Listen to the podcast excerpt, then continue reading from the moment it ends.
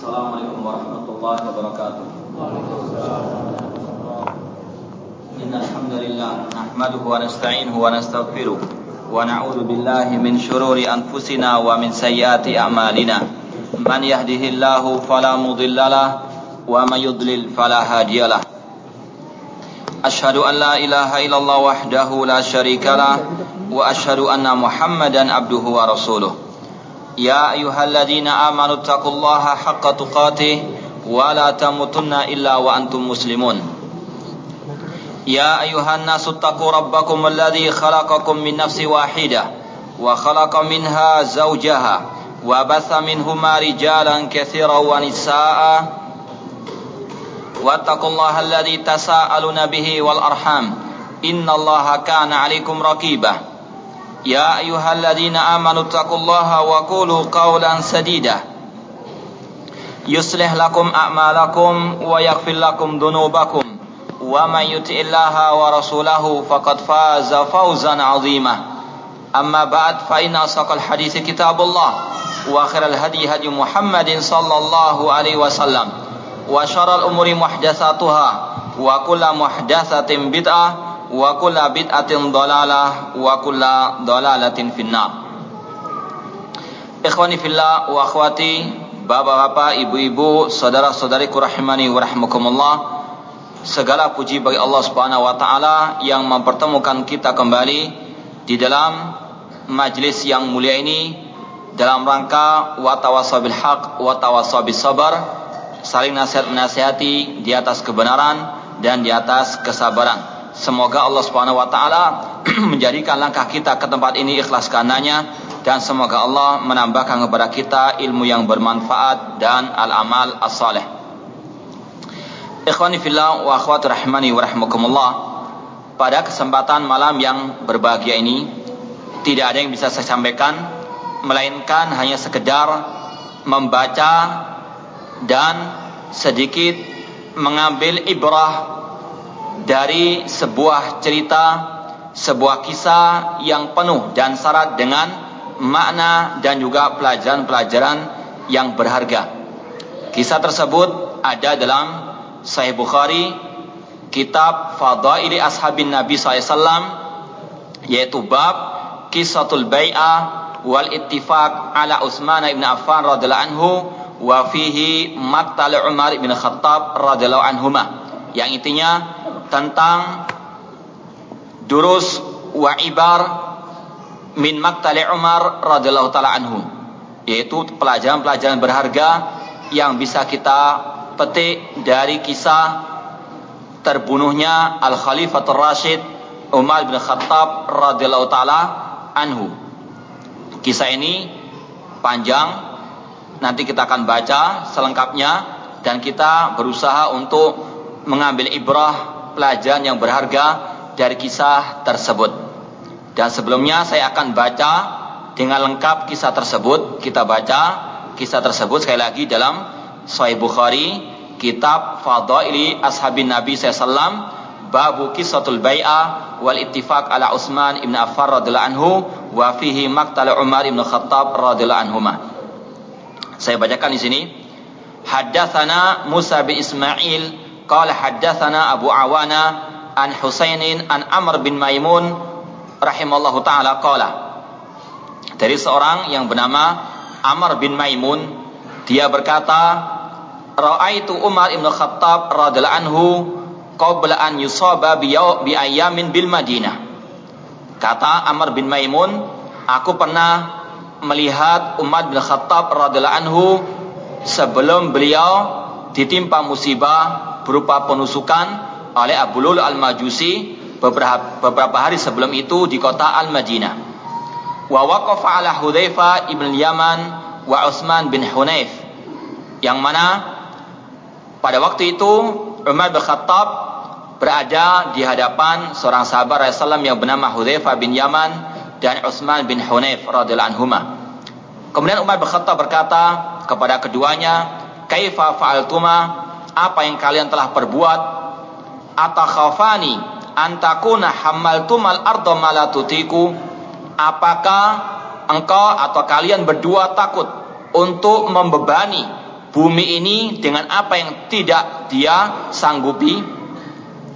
Kala kemudian kedua orang tersebut mengatakan hamalna amran hiyalahu mutiqah.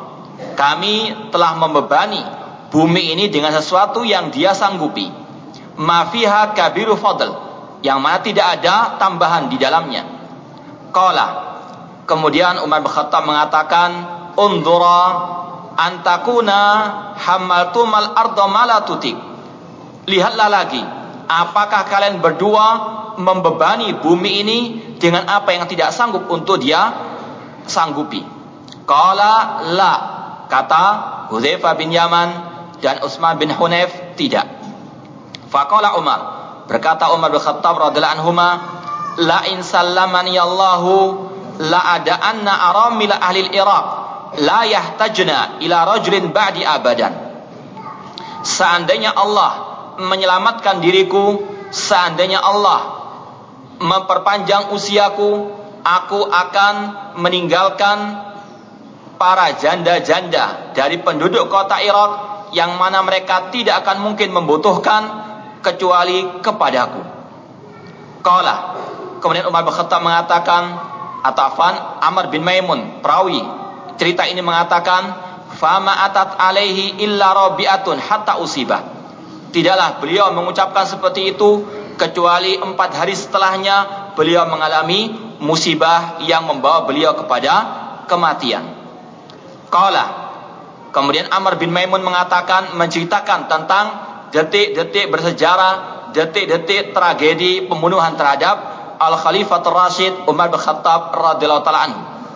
Beliau mengatakan, "Inni laqaimun ma baini wa bainahu illa Abdullah bin Abbas ghadata usibah." Sesungguhnya aku pada waktu salat subuh berada di soft barisan yang kedua yang main di depanku atau antara aku dengan Umar bin Khattab ada Abbas Abdullah, Abdullah bin Abbas radhiyallahu taala anhumah wa kana idza marra baina saffaini qala istau. Yang mana Umar bin Khattab ketika beliau mau mengimami jamaah salat setiap kali lewat saf barisan beliau selalu mengatakan istau. Luruskan saf kalian. Hatta idza lam yara fiha fihim khalalan taqaddama wa kabbara setelah beliau melihat semuanya barisan sudah lurus maka beliau pun mulai bertakbir. Wa rubbama qara'a surata Yusuf awin Nahl aw nahwa dzalik fi ula. Terkadang Umar bin Khattab radhiyallahu anhu pada rakaat pertama salat subuh terkadang beliau membaca surat Yusuf dari pertama sampai terakhir atau surat An-Nahl yang ratusan jumlahnya hatta yastami an-nasu fama huwa illa an kabbara fasamituhu yaqul qatalani au akalani al-kalb.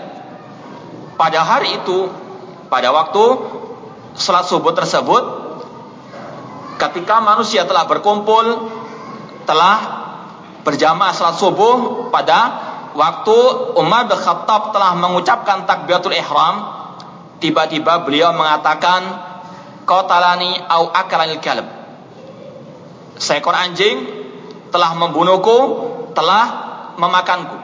Artinya beliau ditusuk oleh seseorang. Hina ta'anahu ketika beliau ditusuk oleh seorang yang bernama Abu Lul al-Majusi yang namanya adalah Fairuz. Fatar al-ilju bisikin zati tarafain.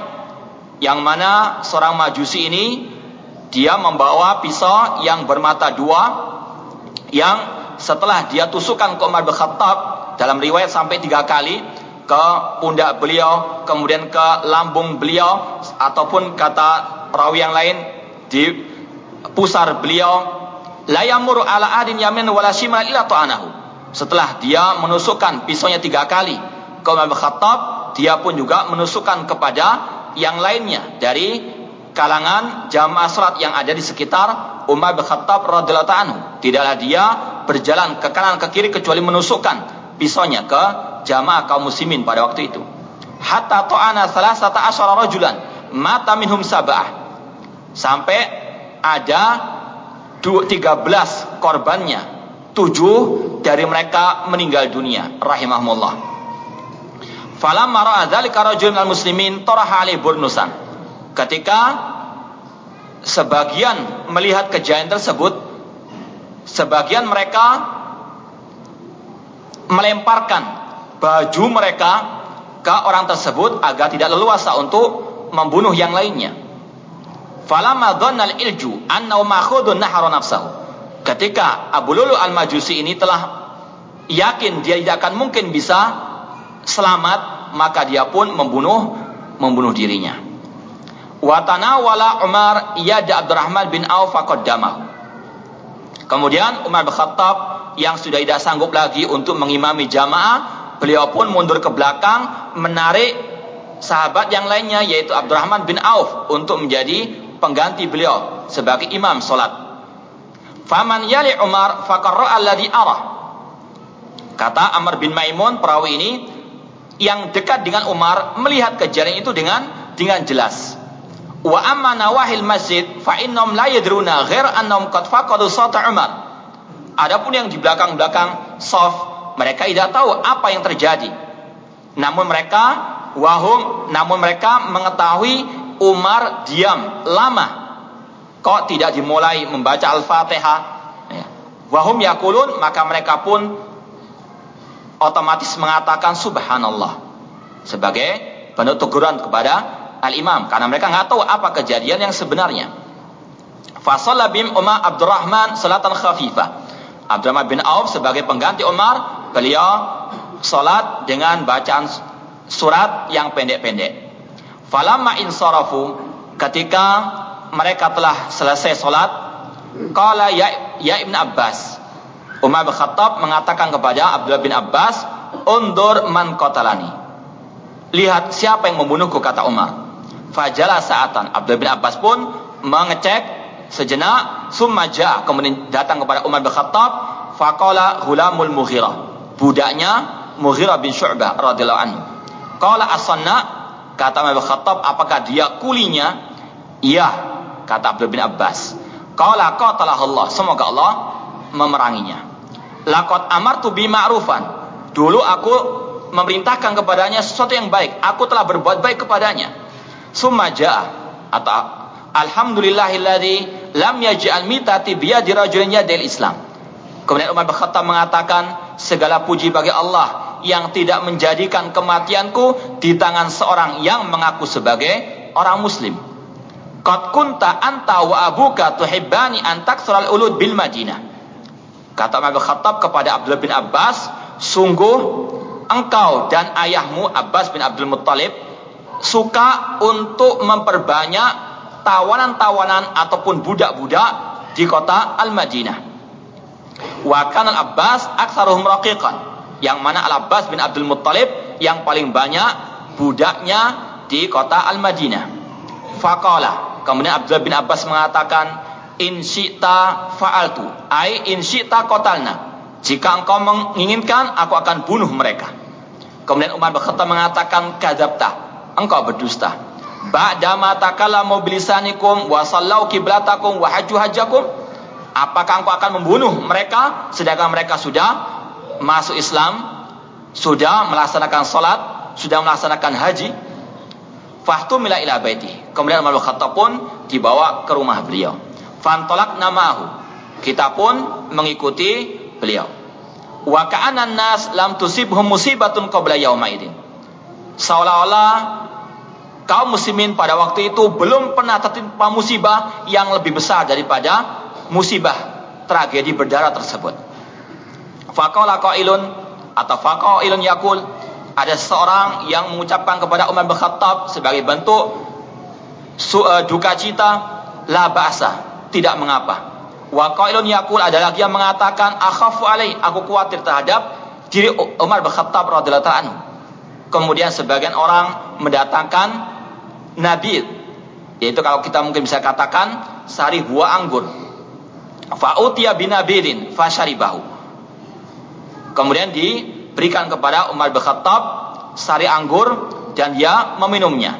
Fakharaja min jaufihi. Namun sari buah anggur tersebut keluar dari kerongkongan beliau memuntahkan lagi apa yang beliau telah minum. Summa atabilabanin fasharibahu. Diberikan susu kepada Umar bin Khattab. Kemudian beliau meminumnya. Fakhraja min jurhihi. Namun air susu tersebut keluar dari luka-luka yang terkena tusukan oleh Abu Lulu al-Majusi tersebut. Fa'alimu annahu mayyitun. Maka yang lainnya pun telah yakin bahwasanya Umar bin Khattab akan meninggal dunia. Fadakhalna alaihi. Kita pun masuk ke dalam rumah Umar bin Khattab waja'an nas faja'al yusnuna alaihi.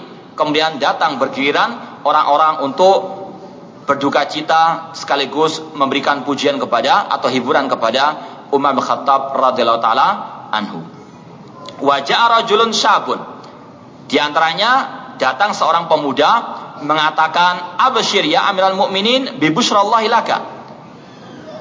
Selamat untuk muwahai amiral mukminin dengan kabar gembira dari Allah Subhanahu wa taala untukmu. Min suhbati Rasulullah sallallahu alaihi wasallam karena engkau termasuk sahabat Rasulullah sallallahu alaihi wasallam wa qadamin fil Islam. Karena engkau termasuk orang yang pertama-tama masuk Islam. Makot alimta seperti yang telah engkau ketahui. Summa wallita fa'ajalta. Dan engkau pun diangkat menjadi khalifah menjadi wali pemimpin kaum muslimin. Dan engkau telah berbuat keadilan. Summa syahada. Kemudian engkau akhiri hidupmu dengan mati dalam keadaan asyahid. Qala wajitu anna dzalika kafafun la alayya walali Kata Umar bin Khattab anhu, aku suka untuk hal tersebut sudah cukup bagiku. Falamma adbara idza izaru ya musul arda. Ketika sang pemuda tersebut ingin pulang, ingin pergi, tiba-tiba Umar bin Khattab melihat kain sarungnya itu menyentuh tanah. Qala Umar bin Khattab pun berkata, "Ruddu alayyal hulam." Kembalikanlah kepadaku sang pemuda tersebut. Qala ya ibnu akhi. Kemudian Umar Khattab mengatakan, "Wahai anak saudaraku, irfa saubak." Angkat pakaian. Fa innahu abqa au anqali saubik wa atqali rabbik. Karena itu akan lebih bersih bagi pakaianmu dan lebih bertakwa untuk Rabbmu. Ya Abdullah ibnu Umar. Kemudian Umar bin Khattab berkata kepada anaknya atau putranya yaitu Abdullah bin Umar, "Undur ma alayya minad dain." Perhatikanlah hutang-hutangku wahai Abdullah bin Umar.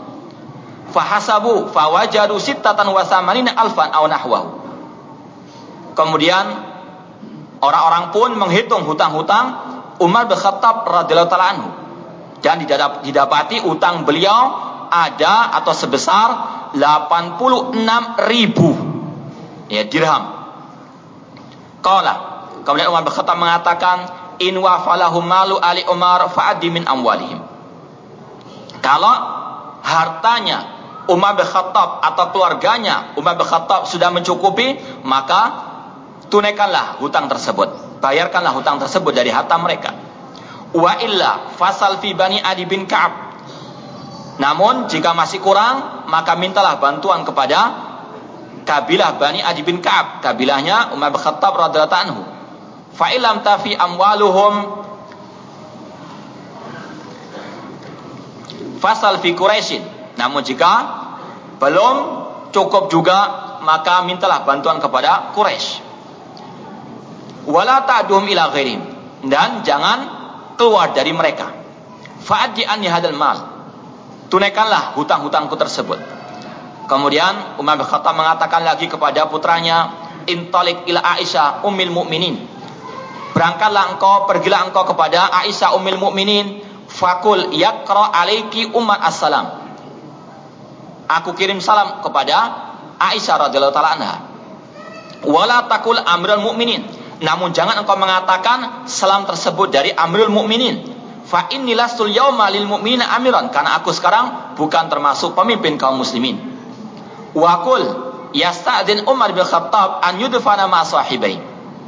Katakanlah bahwasanya Umar bin Khattab minta izin untuk dimakamkan di samping kedua sahabatnya yaitu Rasulullah SAW dan Abu Bakar Siddiq radhiyallahu taala anhum. Fasallama wastadzana. Kemudian Abdullah bin Umar pun mendatangi Aisyah dan mengucapkan salam dan meminta izin kepada beliau. Summa dakhala 'alaiha fawajadaha qa'idatan tabki. Dan Abdullah bin Umar pun mendapati Aisyah dalam keadaan menangis. Faqala yaqra alaikum Umar bin Khattab as-salama. Abdullah bin Umar mengatakan, Umar bin mengucapkan salam kepadamu. wa yasta'din an yudfana ma sahibai dan beliau menginginkan atau meminta izin untuk dimakamkan di samping kedua sahabatnya. Faqalat kuntu riduni nafsi. Aku dahulu menginginkan untuk dimakamkan di samping Rasul dan Abu Bakar Siddiq radhiyallahu anhu wala uthiranna bil yawma ala nafsi namun pada hari ini aku lebih mengutamakan Umar bin Khattab daripada diriku sendiri falamma akbala ketika Abdullah bin Umar telah selesai dan dia datang kepada Umar bin Khattab lagi. Kila hada Abdullah bin Umar qajja. Ada orang mengatakan kepada Umar bin Khattab, ini putramu telah datang. Qala irfa'uni. Angkatlah aku kata Umar bin Khattab. Fa'asnada rajulun ilaihi. Dikatakan bahwasanya Abdullah bin Abbas atau bersandar Umar bin Khattab kepada Abdullah bin Abbas radhiyallahu anhu karena sangat lemah sekali beliau. Faqala ma ladaik. Umar bin Khattab bertanya kepada putranya, apa yang engkau kabarkan? Apa yang engkau ingin kabarkan? Qala ala tuhibbu ya amral mu'minin. Aku ingin mengabarkan apa yang kau inginkan wahai amiral mukminin. Azinat, yaitu Aisyah telah memberikan izin kepadamu untuk dimakamkan di kubur Rasulullah SAW dan Abu Bakar Siddiq. Qala alhamdulillah, kata Umar bin Khattab, segala puji bagi Allah. Maka min syai'in ahammu ilayya min dhalik.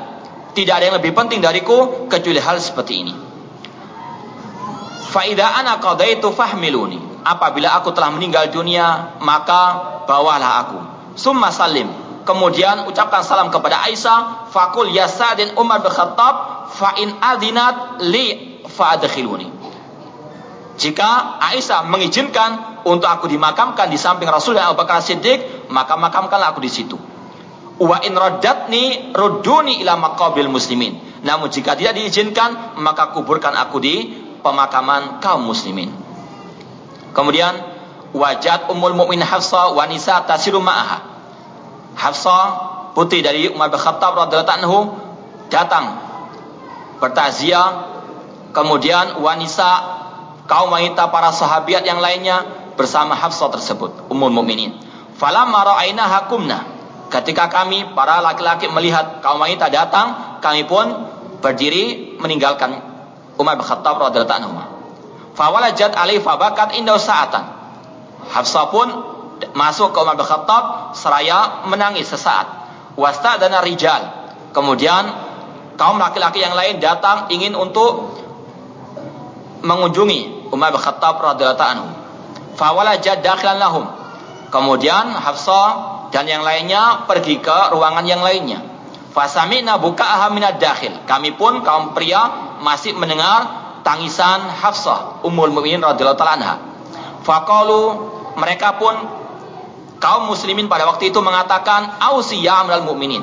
Wahai Umar bin Khattab Amirul Mukminin, wasiat kepada kami. Istakhlif. Carilah engkau sebagai pengganti khalifah setelahmu. Qala ma'ajidu ahaqqa bihadzal amr min haula'in nafar ay rahat alladziina tufiya Rasulullah wa hum anhum radin. Kata Umar bin Khattab, aku tidak mendapati penggantiku kecuali beberapa orang yang mana Rasul SAW meninggal dunia dan berido kepada mereka. Yaitu termasuk orang-orang yang mubasyarun bil jannah. Dikabarkan masuk surga oleh Rasulullah SAW. Kemudian Umar bin Khattab menyebutkan nama-nama mereka yaitu Alian wa Utsmana wa Zubair wa Talha wa Sa'da wa Abdurrahman bin Auf radhiyallahu anhum. Wa qala yashhadukum Abdullah bin Umar. Sebagai saksi kalian adalah Abdullah bin Umar. Kalian yang akan memilih al-khalifah setelah peninggalku nanti. Walaysa lahum minal amri syai' ka hayati ta'ziyah. Yang mana Abdullah bin Umar tidak berhak untuk dipilih. Ini sebagai bentuk takziah kepada beliau. Fa'in asabat imratu sa'dan fahuwa Jika kepemimpinan itu diberikan kepada saat maka dia berhak untuk mendapatkannya wa illa falyasta'in bihi ayyukum ma umira. Jika tidak, maka carilah yang lainnya. Fa inni lam a'zilhu an ajzin wala khiyana. Karena dahulu aku memecatnya dari jabatannya bukan karena kelemahannya ataupun bukan karena dia pengkhianat. Wa qala Ausi atau usil khalifah min ba'di bil muhajirina al awalin an ya'rif lahum haqqahum. Kemudian Umar bin Khattab berwasiat aku wasiatkan kepada khalifah sepeninggalku untuk berbuat baik kepada kaum muhajirin yang pertama. An yarifalahum haqqahum untuk betul-betul mengetahui keutamaan kelompok al-muhajirin. Wa yahfadhalahum hurmatahum dan untuk menjaga kehormatan-kehormatan mereka. Wa usi bil ansari khairan. Dan aku wasiatkan kepada khalifah sepeninggalku untuk berbuat baik kepada kaum al-ansar. Alladzina tabawwad dara wal imana min qablihim. Yang mana mereka kaum ansar telah beriman pada waktu di kota Madinah dan mereka menyambut kaum al-muhajirin. Fa innahum ridul islam. Karena mereka adalah benteng al-islam. Wajubatul mali wa adu. Karena mereka lah yang mengambil al-ghanimah dari orang-orang kufar dan mereka membuat musuh-musuh itu benci kepada al-Islam atau membuat kaum kaum al-kufar benci. Wa alla yu'khad illa fadlum an ridahum dan tidak dibolehkan untuk diambil harta mereka kecuali dengan ridha mereka. Wa usi bil a'rabi khairan. Dan aku wasiatkan kepada khalifah sepeninggalku untuk mereka berbuat kebaikan kepada orang-orang Arab Badui. Fa innahum asul Arab. Karena mereka adalah orang Arab asli wa madatul Islam. Mereka adalah para pengikut al-Islam. An yukhad min hawasi amwalihim. Agar diambil dari harta-harta mereka yang pertengahan. Wa yuradda ala fuqaraihim. Dan diberikan kepada yang fakir dari mereka. Wa usih bi wa dhimmati rasul sallallahu alaihi wasallam. Dan untuk aku wasiatkan kepada khalifah sepeninggalku berbuat kebaik baik kepada kaum kafir ahli zimmah untuk dijaga kehormatan mereka dan perjanjian mereka. Wa an yuqatala min waraihim dan untuk mereka dibela jika mereka diperangi oleh orang-orang yang lainnya. Wa la yukallafu ila taqatahum dan tidaklah mereka dibebani kecuali dengan kemampuan mereka. Falamma qubida kharajna bihi fantalaqna namsi fasallama Abdullah bin Umar. Ketika Umar bin Khattab telah meninggal dunia kami pun keluar dari rumah beliau dan kami pun berjalan dan fasallama Abdullah bin Umar Abdullah bin Umar pun datang kepada Aisyah radhiallahu anha, "Ya Sa'din Umar bin Khattab, qalat adkhilu." Berkata Abdullah bin Umar kepada Aisyah bahwa saya Umar bin Khattab meminta izin untuk dimakamkan di samping Rasul dan Abu Bakar Siddiq. Maka Aisyah mengatakan, "Adkhiluhu, masukkanlah dia." Fa udkhila. Kemudian dimasukkan faudiya hunaka ma sahibai dan dimakamkan bersama Abu Bakar Siddiq dan Rasul sallallahu alaihi wasallam. Falamma furigha min dafnihi ketika selesai memakamkan Umar bin Khattab, istama hauliyar rahtu. Enam orang yang dipilih oleh Umar bin Khattab untuk bermusyawarah memilih siapa pengganti beliau berkumpul. Kemudian Abdurrahman bin Auf mengatakan, "Ij'alu amrakum ila salasatin minkum." Jadikanlah perkara kalian ini kepada tiga orang. Dari enam disempitkan lagi menjadi tiga. Fakola Zubair. Zubair mengatakan, "Qad ja'altu amri ila Ali."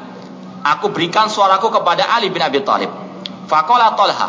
Tolha mengatakan, Kol jatuh amri ila Utsman. Suaraku aku berikan kepada Utsman bin Affan radhiyallahu anhu. Wakola saat Sa'ad bin Abi Waqqas mengatakan, Kol jatuh amri ila Abdurrahman bin Auf. Aku berikan suaraku hakku kepada Abdurrahman bin Auf. Jadi kandidatnya tinggal tiga. Fakola Abdurrahman. Abdurrahman bin Auf mengatakan, Ayyukum ma tabarra min hadal amar fanajalu ilahi. Siapa di antara kalian ini yang berdua, Ali dan Utsman radhiyallahu anhuma yang berlepas daripada perkara ini dan kita akan berikan kekhalifan ini kepadanya. Wallahu alaihi wal Islam la yanduranna afdalahu fi nafsihi. Allah akan melihat siapa yang lebih afdal dalam dirinya. Faus kita syekhan. Kedua orang itu diam, Utsman dan Ali radhiyallahu anhuma. Faqala Abdurrahman, afataj'alunahu ilayya wallahu alayya alla alu al afdalikum. Apakah kalian berdua ingin memilihku sedangkan aku tidak berhak untuk mendapatkannya? Qala na'am. Kedua orang itu mengatakan iya, kami berikan kepadamu. Fa akhadha bi yadi ahadima. Namun Abdurrahman bin Auf mengambil tangan salah seorang di antara mereka, di antaranya Ali bin Abi Thalib, faqala. Kemudian dia mengatakan, "Laka qarabatun min Rasulullah sallallahu Engkau termasuk kerabatnya Rasulullah sallallahu Wal kidam fil Islam, engkau termasuk yang masuk Islam pertama kali maka alimta seperti yang kau telah ketahui. Fallahu alaika lain amartuka la ta'dilanna. Jika aku memilihmu, engkau pasti bisa berbuat keadilan. Walain amartu Usmana la tasma'anna wa la. Dan jika aku memilih Utsman, engkau pasti akan mentaatinya dan akan mendengarkannya. Summa khala bil akhar, kemudian dibiarkan sejenak. Faqala lahum misla dan diulang lagi ucapan seperti itu kepada Utsman bin Affan. Falam akhadal mitsaq, kemudian terjadilah pembayatan qala irfa yadaka ya Utsman angkatlah tanganmu wahai Utsman. Ya irfa yadaka ya Utsman. Fabaya'ahu. Kemudian Abdurrahman bin Auf membaiat Utsman bin Affan. Fabayalahu Aliun Ali pun membaiat Utsman bin Affan. Wa walija dar fabaya'ahu. Kemudian kaum muslimin pun yang lainnya yang ada di tempat tersebut membaiat Utsman bin Affan radhiyallahu taala anhuma ini kisah yang sangat panjang lebar yang disampaikan oleh Imam Bukhari rahimahullah taala. Yang di situ ada tiga intinya yaitu yang pertama masalah pembunuhan terhadap Utsman uh, Umar bin Khattab radhiyallahu dan terjadinya bayat atau itifak kesepakatan memilih Utsman sebagai pengganti Umar bin Khattab radhiyallahu taala anhuma. Sekarang kita akan memilih beberapa pelajaran yang berharga dari kisah yang sangat panjang lebar ini yang sangat penuh dengan makna. Yang pertama ikhwani fillah wa akhwati rahimani wa rahmakumullah. Di antaranya yang pertama kali dikatakan oleh Umar bin Khattab sebelum tertimpa musibah tadi bagaimana seorang al-khalifah sangat memperhatikan, sangat antusias dalam memikirkan nasib rakyatnya. Ini adalah suri teladan bagi semua pemimpin yang ada di atas muka bumi ini. Tidak memikirkan dirinya, tidak memikirkan keluarganya, namun memikirkan orang yang membutuhkan pertolongannya. Karena Rasul mengatakan, kullukum ra'in wa kullukum mas'ulun an ra'iyati. Setiap kalian adalah pemimpin dan setiap pemimpin akan ditanya tentang yang dipimpinnya. Inilah yang selalu dipikirkan oleh Umar bin Khattab radhiyallahu anhu.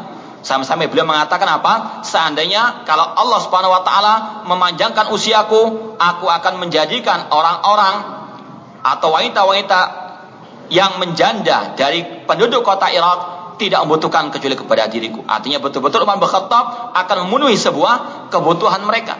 Ini adalah sebuah teladan yang sangat harus diteladani oleh semua pemimpin kaum muslimin khususnya pada saat-saat seperti ini yang mana keteladanan Umar bin Khattab bukan hanya pada kegigihan beliau dalam membela kebenaran namun juga bagaimana kasih sayang beliau kepada kepada kaum muslimin terutama pada para wanita-wanita yang telah kehilangan para suami-suami mereka dan ini merupakan juga tanggung jawab kita semuanya untuk kita satu dalam ta'awun alal birri wa taqwa di antaranya menolong saudari-saudara kita yang membutuhkan pertolongan dengan apa yang kita mampu.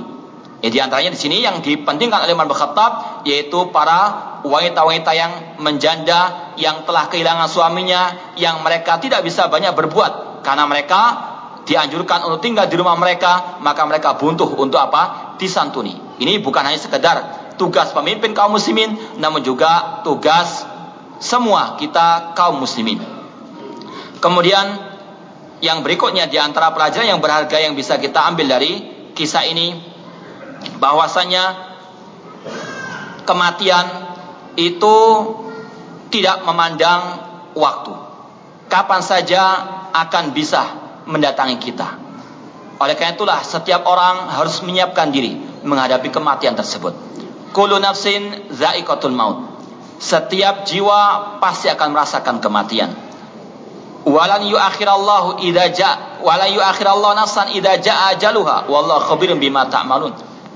Sesungguhnya Allah tidak akan mungkin menunda kematian suatu jiwa apabila telah datang waktunya dan Allah Maha mengetahui Wallahu khabir bima ta'malun apa yang mereka kerjakan, apa yang mereka kalian kerjakan. Oleh karena itulah seorang muslim harus selalu siap dengan kematian. Seorang muslim bukan takut kematian. Namun seorang muslim harus menyiapkan apa yang terjadi setelah kematian nanti. Karena kematian pasti akan terjadi.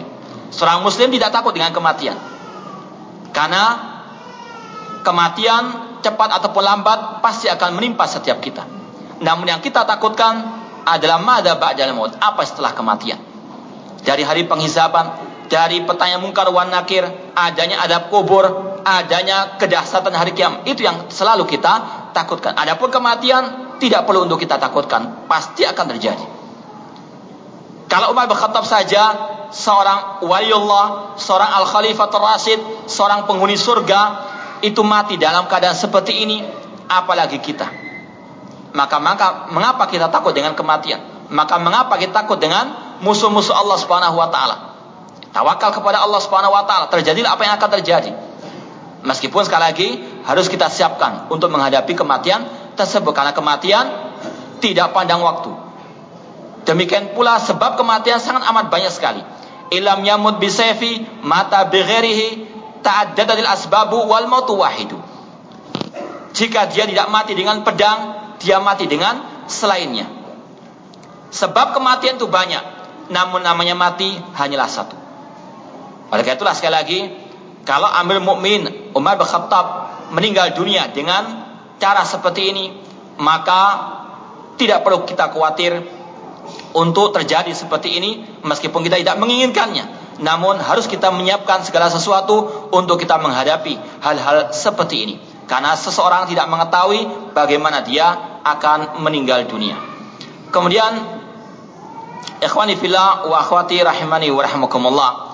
Di sini juga banyak pelajaran yang berkaitan dengan ahkam, hukum-hukum, adab-adab dalam salat berjamaah yang disebutkan tadi dalam cerita Umar bin Khattab bagaimana Umar bin Khattab ketika salat subuh beliau membaca terkadang surat Yusuf, terkadang surat An-Nahl.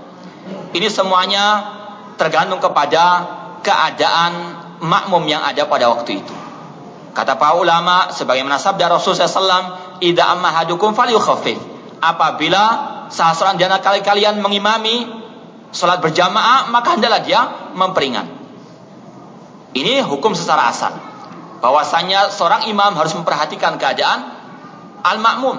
Namun jika mereka adalah orang-orang yang kuat dalam sholat berjamaah dan insya Allah tidak ada yang udur dan sebagainya maka diperbolehkan untuk dia memperpanjang salawat, eh, sholatnya dengan yang sewajarnya.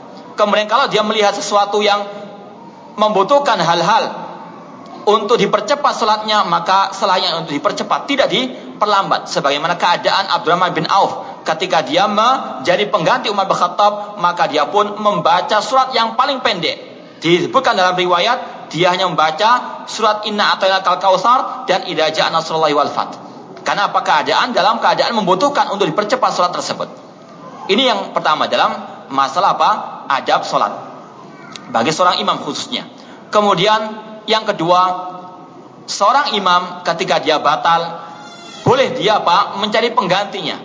Oleh karena itulah, Rasul SAW mengatakan, Liyalini ulul ahlami wa nuha.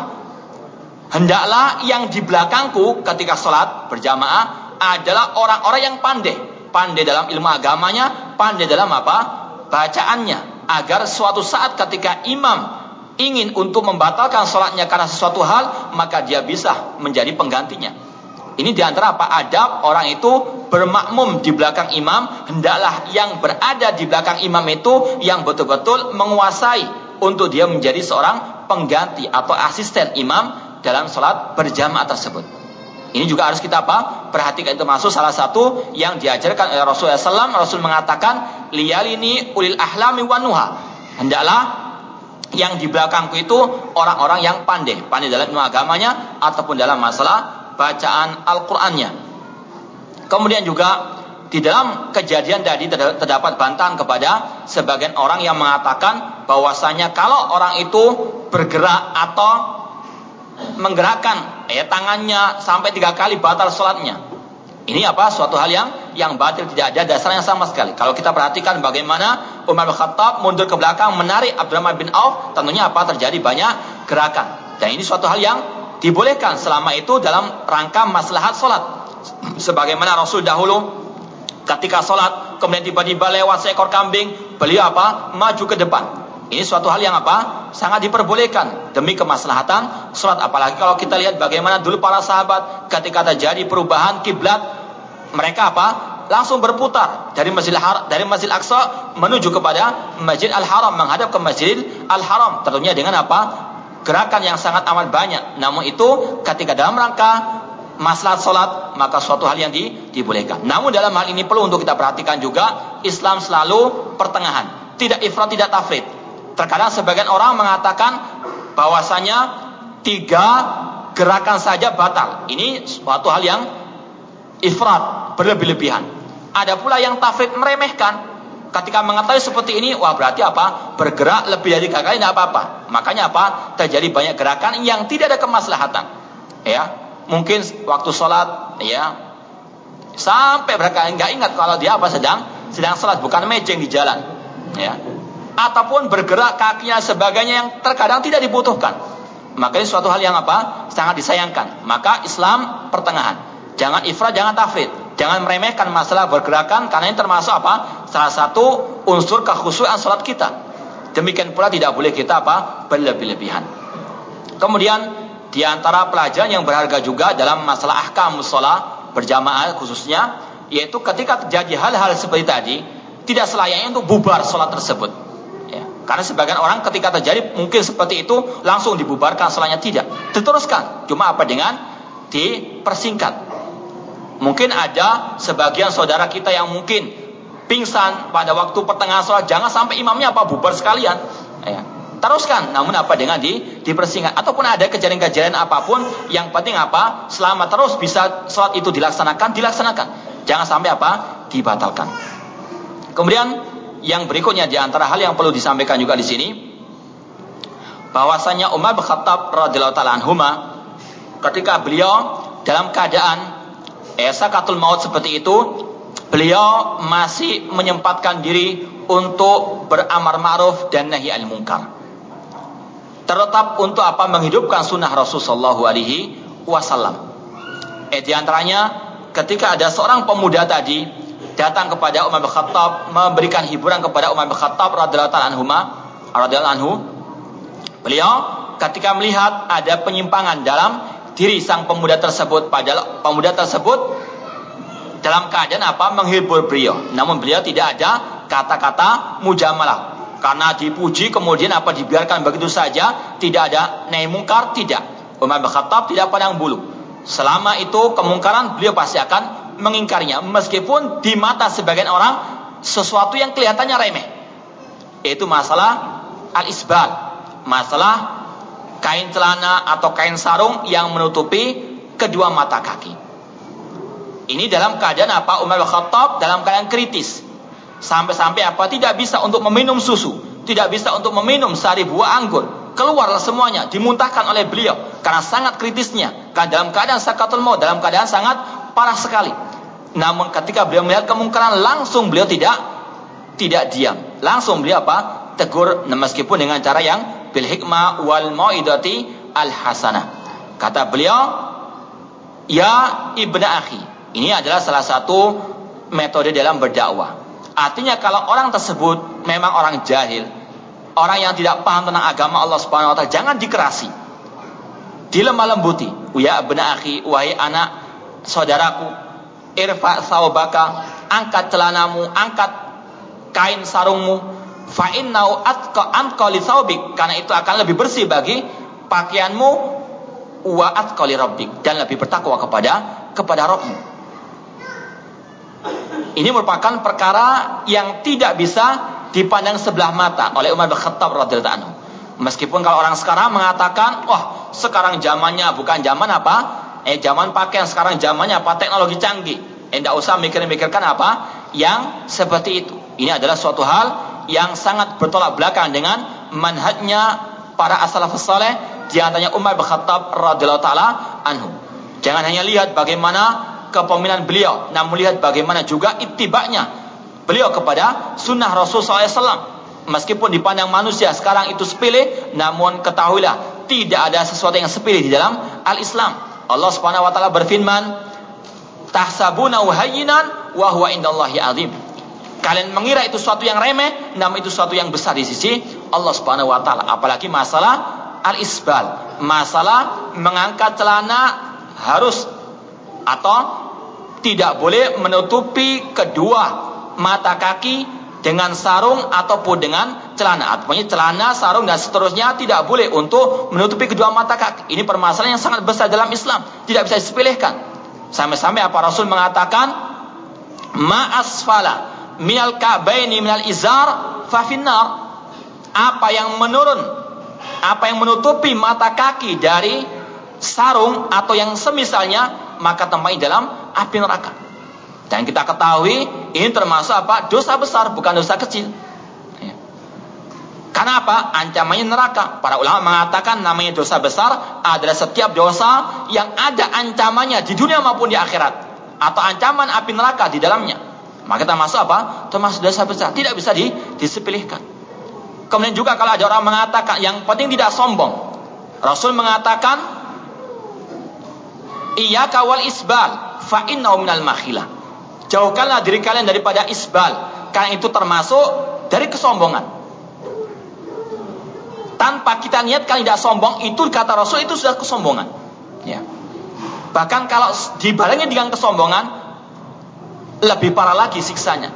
Rasul mengatakan salasun la yukallimuhumullah yaumal qiyamah wa la yanzuru ilaihim wa la.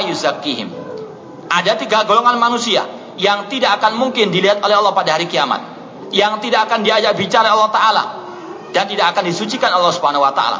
Di antaranya al-musbil izarah, orang yang menurunkan menutupi kedua mata kakinya entah dengan celananya atau dengan kain sarungnya. Maka Rasulullah orang tersebut itu mendapatkan tiga siksa tersebut. Tidak di lihat oleh Allah Ta'ala, tidak akan diajak bicara Allah Subhanahu Wa Ta'ala, dan tidak akan mungkin disucikan Allah Subhanahu Wa Ta'ala. Maka tidak ada alasan bagi orang untuk mengatakan yang paling tidak sombong. Kata Rasulullah SAW tadi, tidak sombong saja itu sudah merupakan kesombongan. Karena apa? Menentang kebenaran. Kemudian kata Pak ulama, tidak bisa dikatakan hadis tadi itu bisa dijamakkan. Artinya, kalau sombong itu di, kalau sombong itu mendapatkan siksa. Kalau nggak sombong tidak mendapatkan siksa. Kata para ulama, ini ada dua hadis. Hadis yang mutlak yang mengatakan ma'asfala minal ma'asfala minal ma'asfala ka'bain minal izar Apa yang menutupi kedua mata kaki dari sarung itu masuk neraka. Ini mutlak hadisnya, tanpa ada apa? Kata-kata sombong. Hadis yang berikutnya dalam hadis yang lain mengatakan bahwasanya hati-hatilah apa uh, manjarra sauba khuyala la yandurillah yaumal. Barang siapa yang menurunkan kain sarungnya sampai menutupi ke mata kakinya dengan kesombongan, maka Allah tidak melihatnya. Ini ada dua hadis yang berbeda keadaannya, yang berbeda ancamannya. Sebagian orang-orang yang malas mengikuti sunnah Rasulullah SAW mengatakan, oh berarti hadis yang pertama itu karena mutlak dibawa kepada yang muqayyad, yang ada ikatan sombongnya. Maka apa? Intinya kata mereka, kalau nggak sombong nggak apa-apa. Maka kata ulama dalam membantahnya, di antaranya dalam kaidah usul fikih dikatakan, ida ikhtalafa atau ida ikhtalafa al-hukmu wa tahada sabab fala yajuzu hamlul muqa, ham, hamlul mutlak alal muqayyad. Apabila hukumnya berbeda, ya, apabila hukumnya berbeda dan sebabnya itu sama, maka tidak bisa di bawa hadis yang mutlak atau nas yang mutlak kepada yang muqayyad. Artinya apa? Dua hadis tadi itu berbeda dari segi hukumnya. Yang pertama hukumnya secara mutlak orang yang menurunkan kain celananya atau sarungnya menutupi mata kakinya itu ancamannya adalah neraka. Ancamannya apa? Ancamannya sudah beda. Yang kedua apa? Yang menurunkan kain celananya atau sarungnya saya menutupi kedua mata kakinya, itu tempatnya apa? Atau ancamannya tidak dilihat Allah Subhanahu wa. Beda ancamannya. Maka ketika ancamannya berbeda, maka berbeda pula hukumnya dan tidak boleh atau bersatu pula hukumnya dan tidak boleh apa? dijadikan yang mutlak itu menjadi sesuatu yang muqayyad. Artinya sekali lagi tidak bisa hal itu dijadikan sebagai dalil untuk orang mengatakan yang penting tidak tidak sombong. Karena apa? Berbeda hadisnya. Kalau yang sombong itu siksanya tidak dilihat oleh Allah Taala. Kalau dia tidak sombong, itu pahala tetap ancamannya apa? Api neraka. Dua-duanya apa? Dua-duanya tetap mendapatkan ancaman. Yang sombong dan yang tidak sombong, kedua-duanya tetap apa? Dilarang. Karena itu juga termasuk kesombongan karena menentang ajaran Ar-Rasul Sallallahu Alaihi Wasallam. Dan dari sini pula kita mengetahui bahwasanya rahasia kesuksesan Umar bin Khattab membawa kepada kejayaan umat itu di antara sebabnya beliau selalu ittiba kepada sunnah Rasul SAW. Ini yang terkadang tersembunyi bagi sebagian orang-orang harokah yang mana mereka hanya mengikuti apa bagaimana jihadnya Umar bin Khattab radhiyallahu. Sedangkan mereka apa? Banyak yang isbal. Padahal apa? Bagaimana itibanya Rasul SAW? Bagaimana itibanya beliau kepada Rasulullah SAW meskipun kelihatannya apa? Permasalahannya sepilih menurut sebagian orang sekarang. Padahal menurut Umar Khattab itu adalah suatu hal yang akan mendatangkan kemuliaan dan kejayaan terhadap umat Islam, terhadap kaum kaum muslimin. Intinya di sini bagaimana Umar bin Khattab menghidupkan sunnah Rasulullah SAW meskipun pada waktu detik-detik beliau mau meninggal meninggal dunia. Kemudian di antara yang bisa kita petik dari cerita tadi yang panjang lebar yaitu seorang khususnya yang memang mau meninggal dunia hendaklah dia betul-betul memperhatikan masalah utang piutangnya. Kalau dia merasa punya hutang harus betul-betul dia mewasiatkan kepada anak keturunannya. Ataupun kalau dia memang sanggup untuk menunaikannya pada waktu itu juga hendaklah dia untuk apa? Menunaikannya.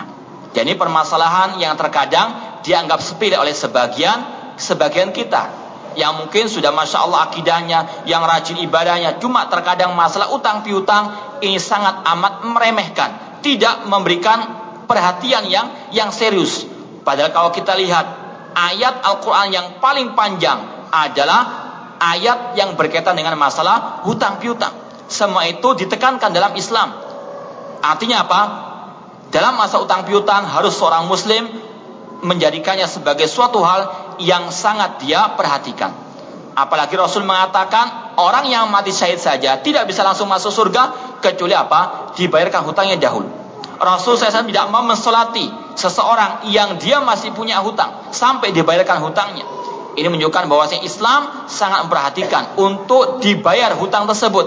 Betul-betul apa? Diperhatikan. Ya, jangan mengatakan ya teman sendiri, ikhwah sendiri ya insya Allah dia maafkan saya. Ya kalau maaf kalau tidak pada hari kiamat nanti akan terjadi apa? Kisos nanti pada hari kiamat. Naudzubillah min dzalik.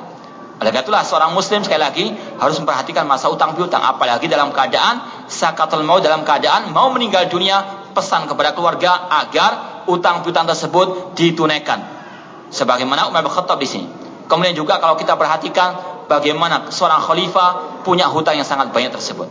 Ini semuanya bukan untuk beliau, namun untuk kaum muslimin. Ini juga merupakan pelajaran berharga bagi para pemimpin kaum muslimin agar mereka apa? lebih memperhatikan keadaan kaum muslimin daripada memperhatikan keadaan dirinya ataupun keluarganya. Namun inilah Umar bin Khattab radhiyallahu anhu yang beliau tidak mau dunia padahal dunia ada di hadapan di hadapan beliau. Beliau beliaulah yang bisa waktu itu menghancurkan kedua negara di kuasa Rom dan Persia namun ketika meninggal dunia beliau masih punya banyak hutang ini semuanya sekali lagi bukan untuk pribadi beliau namun untuk kaum muslimin Kemudian ikhwani fillah wa akhwati rahimani wa rahmukumullah.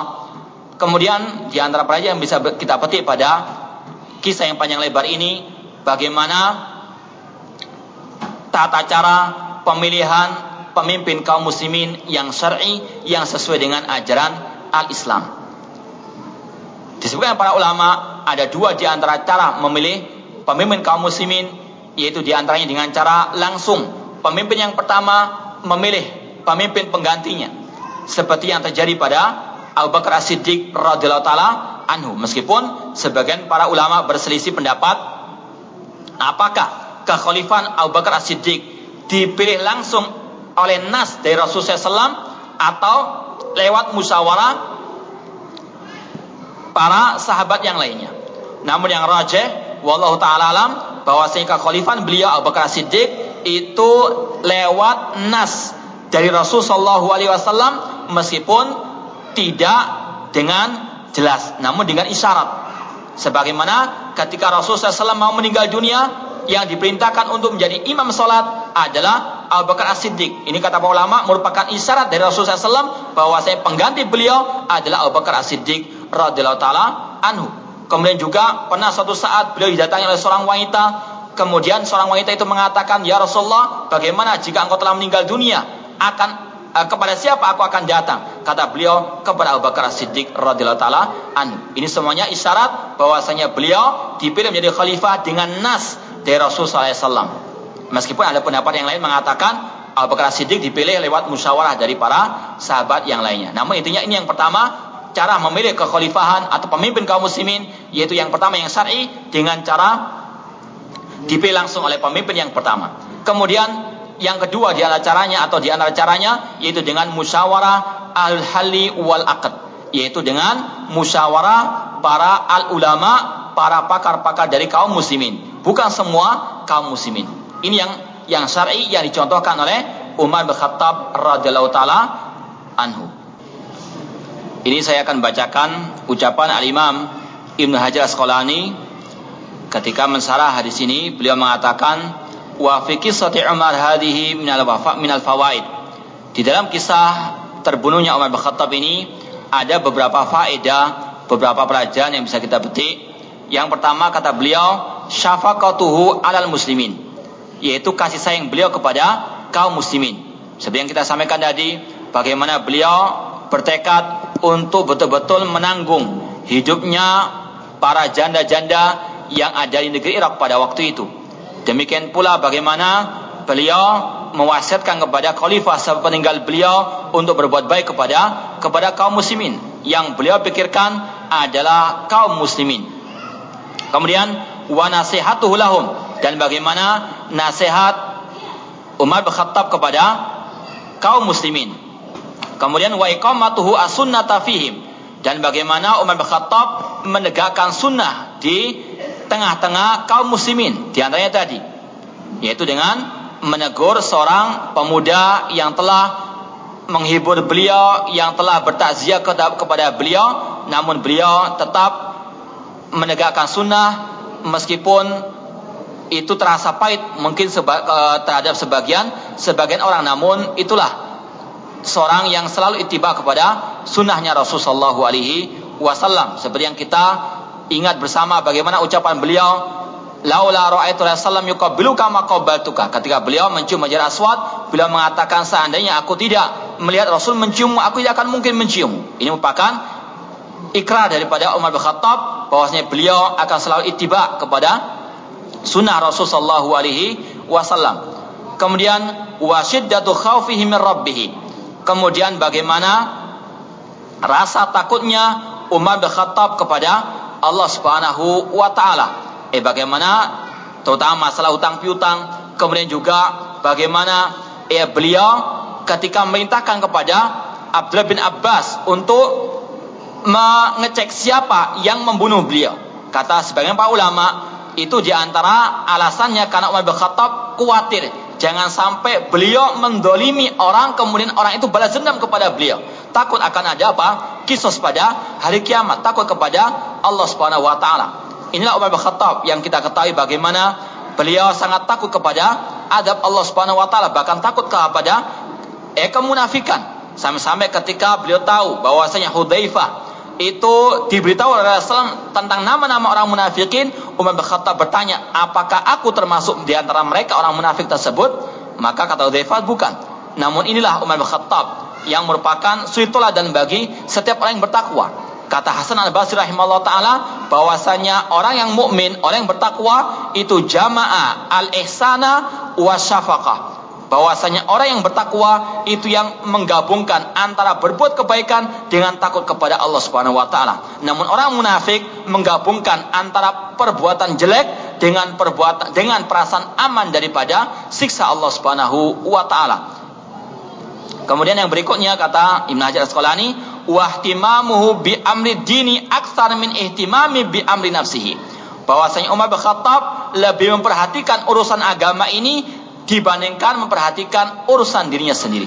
Ya bagaimana ketika dia dalam keadaan sakatul maut atau dalam keadaan yang sangat kritis, beliau masih memikirkan ya para penduduknya, kemudian memikirkan masalah ittiba kepada sunnah Rasulullah Wasallam dan lain sebagainya. Wa anna nahya anil madah fil wajah maksusun bima idza kana ghuluun mufrid au dhahirun. Kemudian dari kisah tadi kata Ibnu Hajar Asqalani banyak orang-orang yang memuji langsung Umar bin Khattab radhiyallahu taala anhu. Padahal ada hadis yang mengatakan bahwasanya apabila ada orang yang memujimu di hadapanmu maka taburlah dia dengan apa? Dengan turab, eh dengan tanah. Kata Ibnu Hajar Asqalani yang dibolehkan itu memuji ya meskipun di hadapan orang tersebut kalau puja atau larangannya eh, larangan Rasulullah SAW untuk memuji orang itu di hadapannya itu kalau memuji dengan pujian yang berlebihan Namun kalau sewajarnya seperti kejadian pemuda tasawuf tadi memuji Umar bin Khattab di hadapannya dengan apa adanya maka diperbolehkan. Oleh karenanya Umar bin Khattab apa tidak marah karena beliau tahu itu diperbolehkan dalam al-Islam. Jadi larangan memuji orang di hadapannya itu kalau pujian tersebut berlebih-lebihan. Adapun kalau apa adanya, insya Allah itu tidak dipermasalahkan, tidak dilarang. Kemudian wamin sama lam yanha Umar asyaba an madahi. Oleh karena itulah Umar bin tidak melarang pemuda itu untuk memujinya. Ma'akaunihi amara bitasmiri izarihi.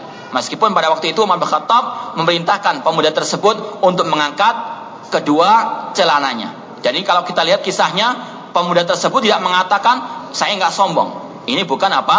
Eh bukan seperti orang sekarang. Langsung dia apa? Mengikuti apa yang dikatakan oleh Umar bin Khattab radhiyallahu anhu. Kemudian wal wasiyatu bi adaid dain. Kemudian juga dari kisah tersebut bisa kita ambil pelajaran untuk kita apa? Menulis wasiat tentang masalah hutang piutang. Ini yang sudah kita sampaikan tadi. Ini masalah yang sangat harus kita perhatikan. Ya, utang dalam Islam itu diperbolehkan Cuma jangan diremehkan. Eh sebagaimana kita katakan tadi, Islam selalu pertengahan dalam segala permasalahan.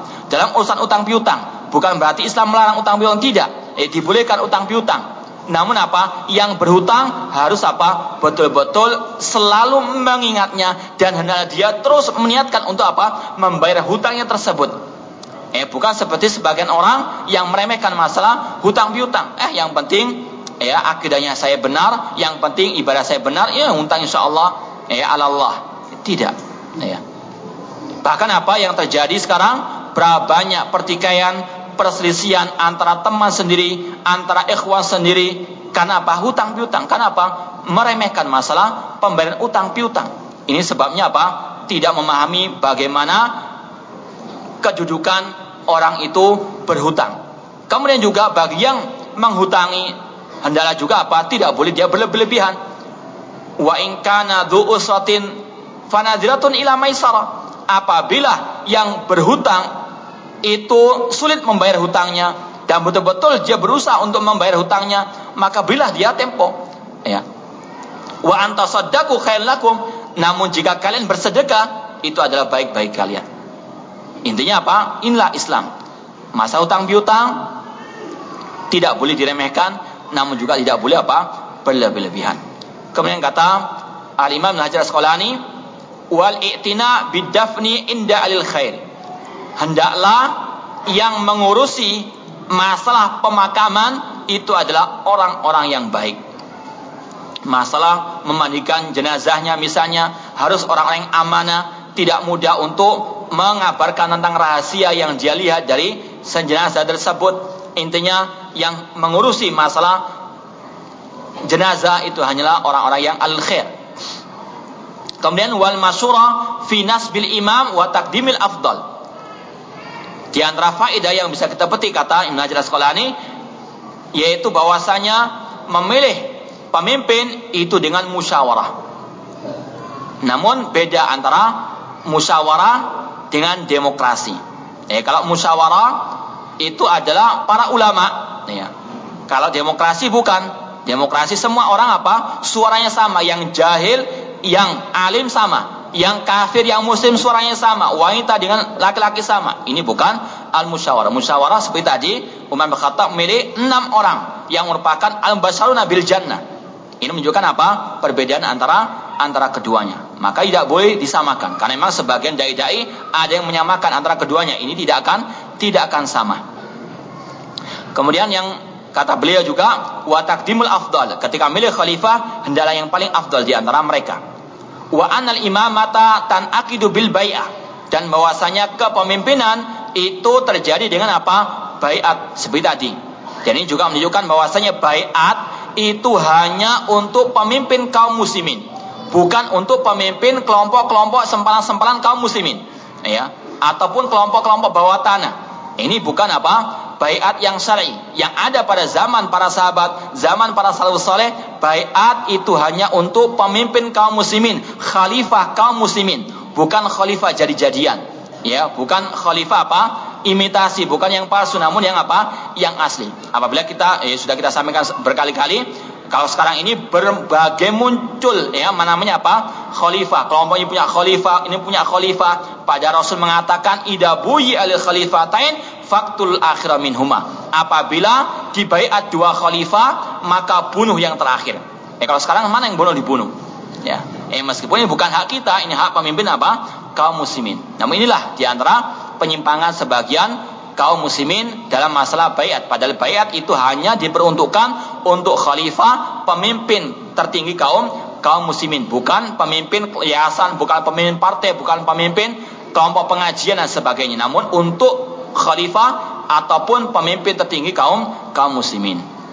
Wallahu al-muwaffiq. Ini yang mungkin bisa kita sampaikan mudah-mudahan bermanfaat.